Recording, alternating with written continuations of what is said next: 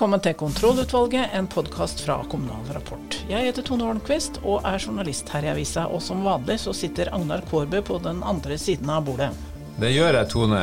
Og i dag skal vi snakke om fylkeskommunen, endelig. Professor Terje P. Hagen, som leder utvalget som for fire år siden foreslo masse nye oppgaver til fylkeskommunen. Hva mener han om situasjonen som eh, foregår akkurat nå? Så skal vi snakke med finansbyrådet i Oslo og MDG-er Einar Wilhelmsen. Han skal vi snakke, med, snakke om vegetarmat med. Ja, på alle kommunens arrangementer skal det være vegetarmat i Oslo. Og så eh, får vi en samtale med direktør i, i IMDi, altså Integrerings- og mangfoldsdirektoratet, Libe Ribe. Vi skal høre hvordan det går med bosetting, og om fenomenet sekundærflytting, som vi har skrevet en del om i Kommunal Rapport. Hva slags problemer det kan skape for enkelte kommuner. Og på eventuelt så har vi et punkt. Hva gir du til en 18-åring som har alt? Da er dagsorden godkjent. Det er den. Møtet er satt.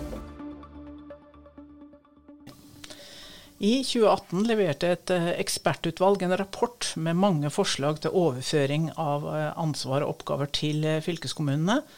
Professor Terje P. Hagen ledet utvalget, og vi lurer på, Hagen, hva tenker du nå om denne regionreformen? Ja, det er jo åpenbart at eh, den er i alvorlige problem. Eh, mitt tips er at det går mot oppløsning av Troms og Finnmark, og sannsynligvis eh, også av Viken. Så Det betyr jo at mulighetene for å overføre store oppgaver ned til fylkeskommunene er mindre. Men jeg tror likevel at det er noen muligheter også med, med mindre enheter. Hvilke oppgaver er det som regjeringa kan overføre til eh, fylkeskommunene, slik de da eventuelt blir etter en oppløsning? Jeg tror det er særlig to uh, hovedområder som uh, peker seg ut. Uh, det ene det er miljøområdet. Altså Der er det mulig å overføre til miljø, miljøvernavdelinga fra, fra fylkesmannen eller statsforvalter til fylkeskommunene. Og det er også mulig å gi fylkeskommunene et overordna ansvar for klimatilpasninger. Eh, og muligens også tilføre oppgaves, en, en, del oppgaver knytta til det. Eh, det andre feltet er utdanningsområdet. Der jeg mener at eh, fylkeskommunene kan få ansvaret for alle oppgaver som er mellom grunnskoleutdanning og universitets- eh, høgskoleutdanning. Altså Det betyr i praksis eh, selvfølgelig de oppgavene de har i dag, som videregående opplæring og fagskoler. Men også eh, voksenopplæringa og en del av arbeidsmarkedsopplæringa. Dette er i dag oppgaver som ligger spredt i eh, litt ulike direktorat, og de kan trygt overføres til fylkeskommunene. Du nevnte det med klima. Tror du kommunene vil finne seg i at uh, fylkeskommunen blir en ja, det blir jo fort oppfatta som en overkommune? Eh, altså Fylkeskommunene har jo alltid hatt et ansvar for eh, fylkesplanlegging.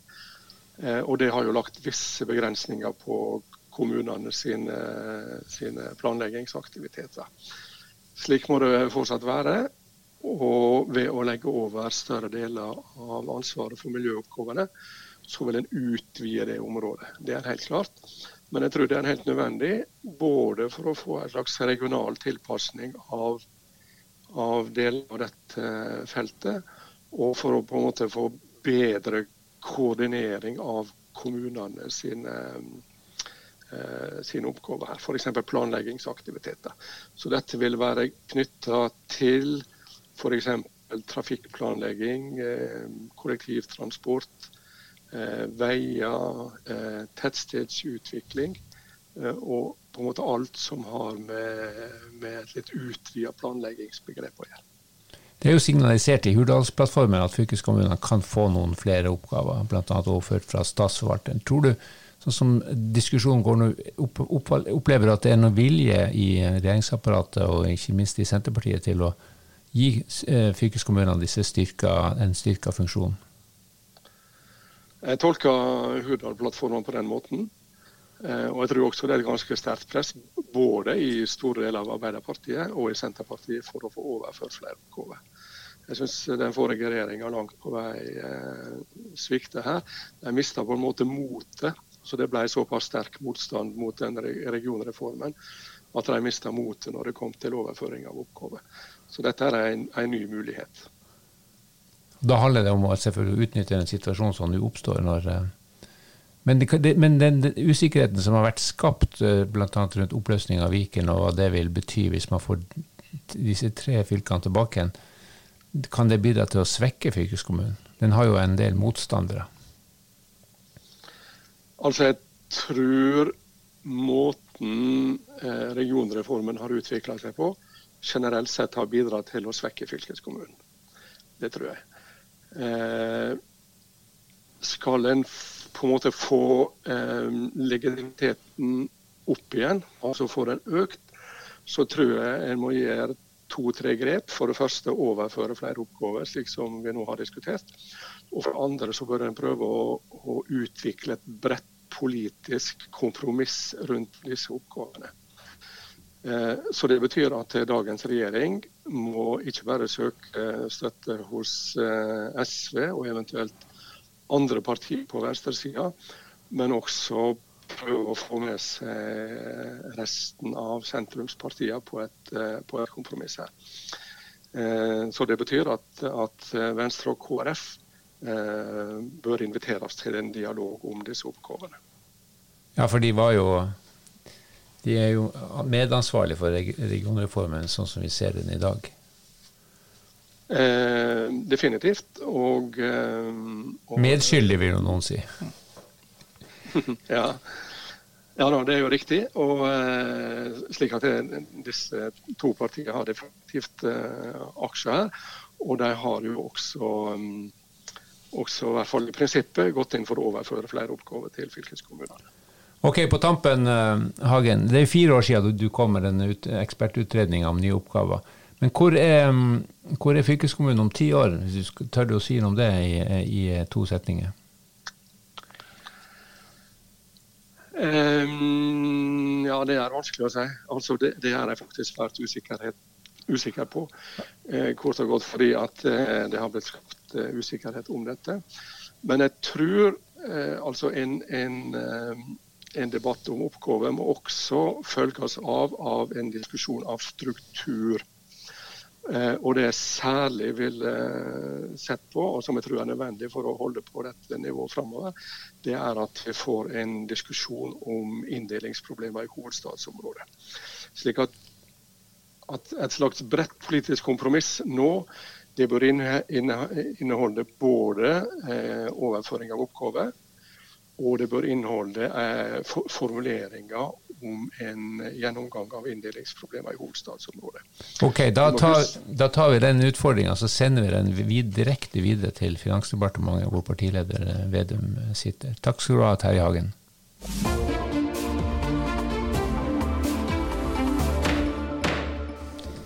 Vegetarmat skal være standardvalget på kommunale arrangementer. At vegetarmat skal være standardvalget, betyr at det er vegetarisk mat som serveres, heter det i et direktiv fra byrådet til 55 kommunale virksomheter i Oslo.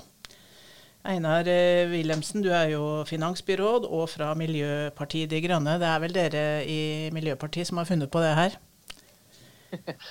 Jeg syns det var veldig, eh, veldig, strengt å kalle det et, eh, et direktiv. Eh, ja, men kanskje vi skal kalle det et, et rundskriv da, eller et, et, brev. Det er jo sånn vi styrer, styrer kommunen ja. gjennom å sende, sende, brev til virksomheten om, om, om om hvordan vi skal gjøre ting. Eh, ja, det stemmer det at eh, vi er opptatt av at det er bra å redusere forbruket av kjøtt. Så i byrådserklæringen som vi har laget sammen med Arbeiderpartiet og SV, så har vi sagt at vi skal halvere forbruket av kjøtt i Oslo kommune. Og vi har også sagt at vi skal tilby vegetarmat som standardvalg på alle arrangementene. Og Det er det vi nå minner om. For uh, nå har det jo vært korona, og da har det vært litt begrensa med, med, kommunale arrangementer, rett og slett. Naturlig, særlig med matservering, av naturlige grunner. Mm. Uh, men nå tenker vi at uh, tiden er inne for å minne om dette. Og det vi da gjør, er at vi sier at på våre arrangementer så blir det servert vegetarmat. Som standardvalg. Så hvis du ikke sier noe om hva slags mat du vil ha, så får du vegetarmat. Og det gjør vi jo fordi at det er bra for klimaet, og det er bra for, for det biologiske mangfoldet på jorda. Og det er ikke minst også bra for folkehelsa å spise litt mer grønt og litt mindre kjøtt. Er du overraska over reaksjonene dere har fått? Eh, altså, hva folk spiser og hva man spiser, er jo, er jo alle veldig opptatt av. Eh, det jeg er litt overraska over, er at Eller kanskje ikke overraska, men jeg ser jo at en del forsøker å krisemaksimere og få dette til å se ut som noe annet enn det er. Eh, det vi gjør, er jo rett og slett bare at vi speilvender eh, dagens situasjon. I dag så er det sånn at hvis du ikke sier noe, så får du stort sett servert kjøtt. Nå bare snur vi om på det eh, og gjør sånn at hvis du ikke sier noe, så får du servert eh, vegetarmat. Eh, og det tenker jeg er ikke er egentlig ikke så veldig dramatisk. Vi skal servere god mat. Målet mitt er at den skal være så god at folk får lyst til å prøve mer vegetarmat i hjemmet også, og få en hyggelig matopplevelse. Og så, men, men jeg ser jo selvfølgelig at det er noen som har interesse av å gjøre dette til en veldig sånn debatt for eller mot kjøtt, f.eks. Jeg ser jo eh, matmen sånn matminister Sanda Borch f.eks. sier til Nasjonen at eh, staten skal ikke bry seg med, eller kommunen skal ikke bry seg med hva folk spiser. Og for klimaet hadde det vært bedre om dere eh, sa kortreist mat. Har dere vurdert det? Eh, ja da. Eh, for det første så syns jeg det er veldig rart at matministeren nå slutter å gi kostholdsråd til befolkningen, og, og plutselig vil endre på de kostholdsrådene som som gis, der man sier at man bør spise mer fisk og grønt og mindre kjøtt. Det syns jeg er ordentlig merkelig. Eh, og vi har jo også, Det er jo mange undersøkelser av, av kortreist mat også, og det er jo veldig bra med kortreist mat. Eh, men at det er mer klimavennlig å spise kortreist kjøtt enn å spise eh, mat som har reist litt lenger som ikke er kjøtt, det er rett og slett direkte feil. Og Det vet nok matministeren og hennes administrasjon også. Ok, men du, du Wilhelmsen, hvor mye Ja, kort. Nei, Vi har fått laget en rapport som har sett på, på vårt, hva vi serverer uh, av mat. Og Den viser veldig tydelig at det å halvere kjøttkonsumet det vil eh, gi et veldig stort klimakutt. I, Hvor stort da? I, uh, Opptil 3000 tonn CO2. Eh, litt avhengig av, eh, av, hvilket kjøtt som kuttes ut. For det er jo litt forskjellig hvor, hvor stor klimabelastning Er det på årsbasis? Det, det, er på årsbasis, ja. Men det interessante er jo at, eh, at kjøtt står for en veldig stor andel av, av de totale utslippene knytta til maten vår. Så det å halvere kjøttforbruket vil kutte sånn opptil 20% av utslippene fra maten. Det, det, har du, det, har du, helt rett i. Men du, eh, avslutningsvis. Eh, man skal be om kjøtt hvis man vil ha det, men dere, eh, Oslo kommune arrangerer også noen julebord for eh, de som sliter litt og, og, og har, trenger et sånt tilbud. Hvis, og Der kan det være noen personer som er, er litt dårlige på å planlegge på forhånd. Hvis noen kommer der, og så får de, er det sånn at alle da får uh, vegetarmat eller uh, uten å Selv om de hadde kanskje lyst på kjøttmat? Ja, altså vi har veldig mange forskjellige typer arrangementer. Uh, og jeg tenker at de skal være helt sikre på at alle skal få, få, god mat. Alle skal få god julemat på arrangementene våre. Og så må vi se litt på hva slags type arrangement det er, og vi, hvordan vi løser det her i praksis. Okay. Det vil jo bli veldig forskjellig. ikke sant? Noen arrangementer så er det sånn middag hvor man sitter ned og får servert. Noen ganger er det fingermat. Noen ganger kan det kanskje bare være seminarer med, med bagetter. Eh, sånn at her, og Vi er jo en stor og mangeslungen kommune med, med 50 000 ansatte og veldig mange forskjellige anledninger hvor vi serverer mat. Så her kommer vi til å finne eh, gode løsninger som passer til liksom, det, det enkelte tilfellet. Du, du, er jo finansbyråd og steller mest med penger til daglig. Er det noe å spare på dette her? Du, det har vi rett og slett ikke. Det har jeg ikke klart for meg.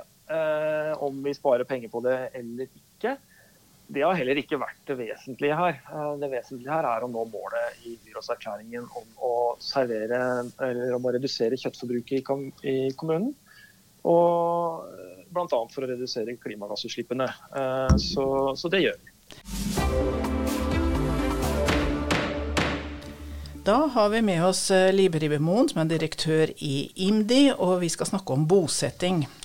Først, eh, Mon, tenkte jeg vi kunne snakke litt om en aktuell problemstilling som for enkelte kommuner, nemlig, i hvert fall, eh, nemlig sekundærflytting.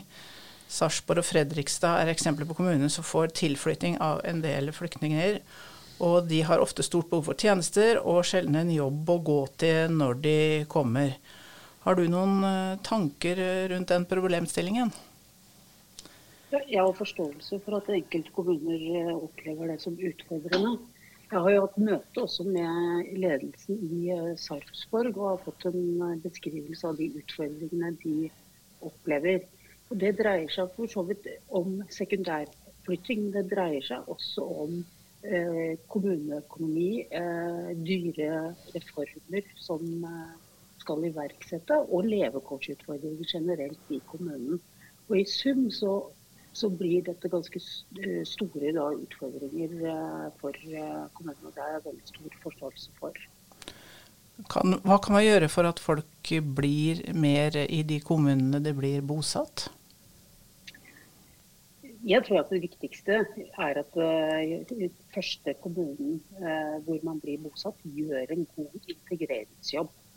Uh, det betyr at hvis flyktninger får seg jobb, nettverk etablerer seg i nærmiljøet, så har det betydning for om man blir værende eller om man velger å flytte. Har dere noe kunnskap om denne gruppa som, eh, av flyktninger som eh, bidrar til denne sekundærflyttinga? Det er en ganske sammensatt uh, gruppe. Uh, vi vet jo at uh, en del flyktninger ønsker seg til mer sentrale strøk. slik at det er jo en rekke større eh, og bynære kommuner som opplever at eh, flyktninger da etter hvert eh, bosetter seg i, sin kommune. Nå er det jo sånn at Alle i Norge kan jo fritt flytte, og det er jo ikke ukjent at også andre flytter til, til større byer. Men det kan som sagt også føre til da levekårsutfordringer i enkelte byer. Hva kan vi gjøre med, med disse levekårsutfordringene? Generelt så handler det jo om eh, inntektsoverføringer eh, til kommunene. Når det gjelder integreringsfeltet, så har jo vi en rekke virkemidler. Bl.a. Eh, Jobbsjansen, mulighet for at frivillige organisasjoner kan søke støtte. Og man har jo også områdesatsinger i enkelte deler av landet. Merker dere at denne sekundærflyttinga påvirker kommunenes vilje til å bosette nye flyktninger? Foreløpig så har vi ikke eh, lagt merke til at kommuner har vært mindre villige til å bosette pga. utfordringer med sekundærflytting. Men vi har merket oss at enkelte kommuner den siste tiden har trukket fram sekundærflytting som belastende. Og vi har også fått tilbakemelding fra noen av disse om at disse belastningene kan få innvirkning i fremtiden. Hvordan har bosettingen gått nå under pandemien? Um, det har vært eh, varierende i perioden under pandemien. I 2020 eh, og i begynnelsen av også 2021 så var det store utfordringer knyttet til pandemien og reiserestriksjoner. Så I 2020 så førte jo det til at det 600 overføringsflyktninger som hadde fått tillatelse i Norge, men som ikke enda hadde kommet, ble overført da til 2021. Men i sum så har vi da eh, greid å bosette det som omtrent har vært prognosen, nemlig 4500 personer da i 2021. Har dere noen formening om eh, behovet for uh, bosetting i årene som kommer? Ja, eh, årets prognose er bosetting av 5500 flyktninger. Nå er jo situasjonen ganske usikker, både knyttet til hvordan pandemien vil utvikle seg, reiserestriksjoner, men også situasjonen i Afghanistan. Sånn at dette, det kan komme endringer som vi i dag ikke har mulighet til å forutse. Og så er det jo slik at eh, Antall asylsøkere er jo ganske lavt. Der prognosen er vel rundt 1400 asylsøkere eh, som skal bosettes inneværende år. Sånn at et flertall av de som skal bosettes, er jo da overføringsflyktninger. Og da er vi avhengig av at det ikke er reiserestriksjoner for at de skal kunne komme til Norge. Ok. Du var inne på det innledningsvis. Kommunene, kommunene må gjøre en god jobb for at eh, flyktningene skal bli boende. Gjør kommunene en god nok jobb for å sikre integrering? Veldig mange kommuner gjør en uh, fabelaktig innsats. Da har vi jo fått en ny integreringslov som uh, vi fikk i fjor. Uh, den har jo til hensikt å sørge for at flere flyktninger som kommer, får formell utdanning, og at nivået på norskundervisningen blir bedre. Det vil kunne ha stor betydning for flyktningers mulighet til å lykkes i norsk samfunns- og arbeidsliv. Kjempefint, eh, Libe Ribemoen. Da sier vi takk til deg for denne gang.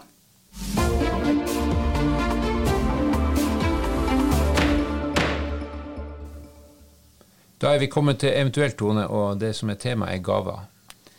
Gaver til 18-åringer som har alt. Og en av disse 18-åringene er selvfølgelig prinsesse Ingrid Alexandra. Det stemmer. Eh, hun fikk jo en eh, opplevelse hun sikkert ikke har vært med på før. Det var, det var en av gavene. Nei, det var besøk i Stortinget. Besøk i Høyesterett, og ikke minst å få være med på statsråd på Slottet, hvor eh, Kongens råd er samla. Ja, det var sikkert spennende, det. Og TV var jo med på slep. Og... Men vet du hva hun fikk av kommunene? Eh, nei. befaring på sykehjem overhøre et digitalt formannskapsmøte eller en tur med renovasjonsfolkene?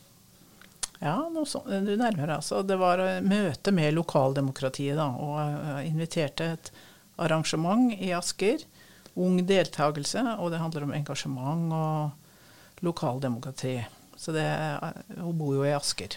Hun bor i Asker, så hun kan jo være med i ungdomsrådet der og ta til orde for litt bedre forhold for ungdommen som vokser opp i denne store og spennende kommunen. Men uh, skal være med på et kommunestyremøte også, med litt sånn uh, kjedelige rundstykker og lunka kaffe? Ja, da vil jeg foreslå budsjettmøte, da, først og fremst. Det varer jo bare seks-sju timer. Nei, det, det, spørs om det er noen prinsessedrøm å være med på budsjettmøte, selv om det er det viktigste møtet i, i kommunestyret.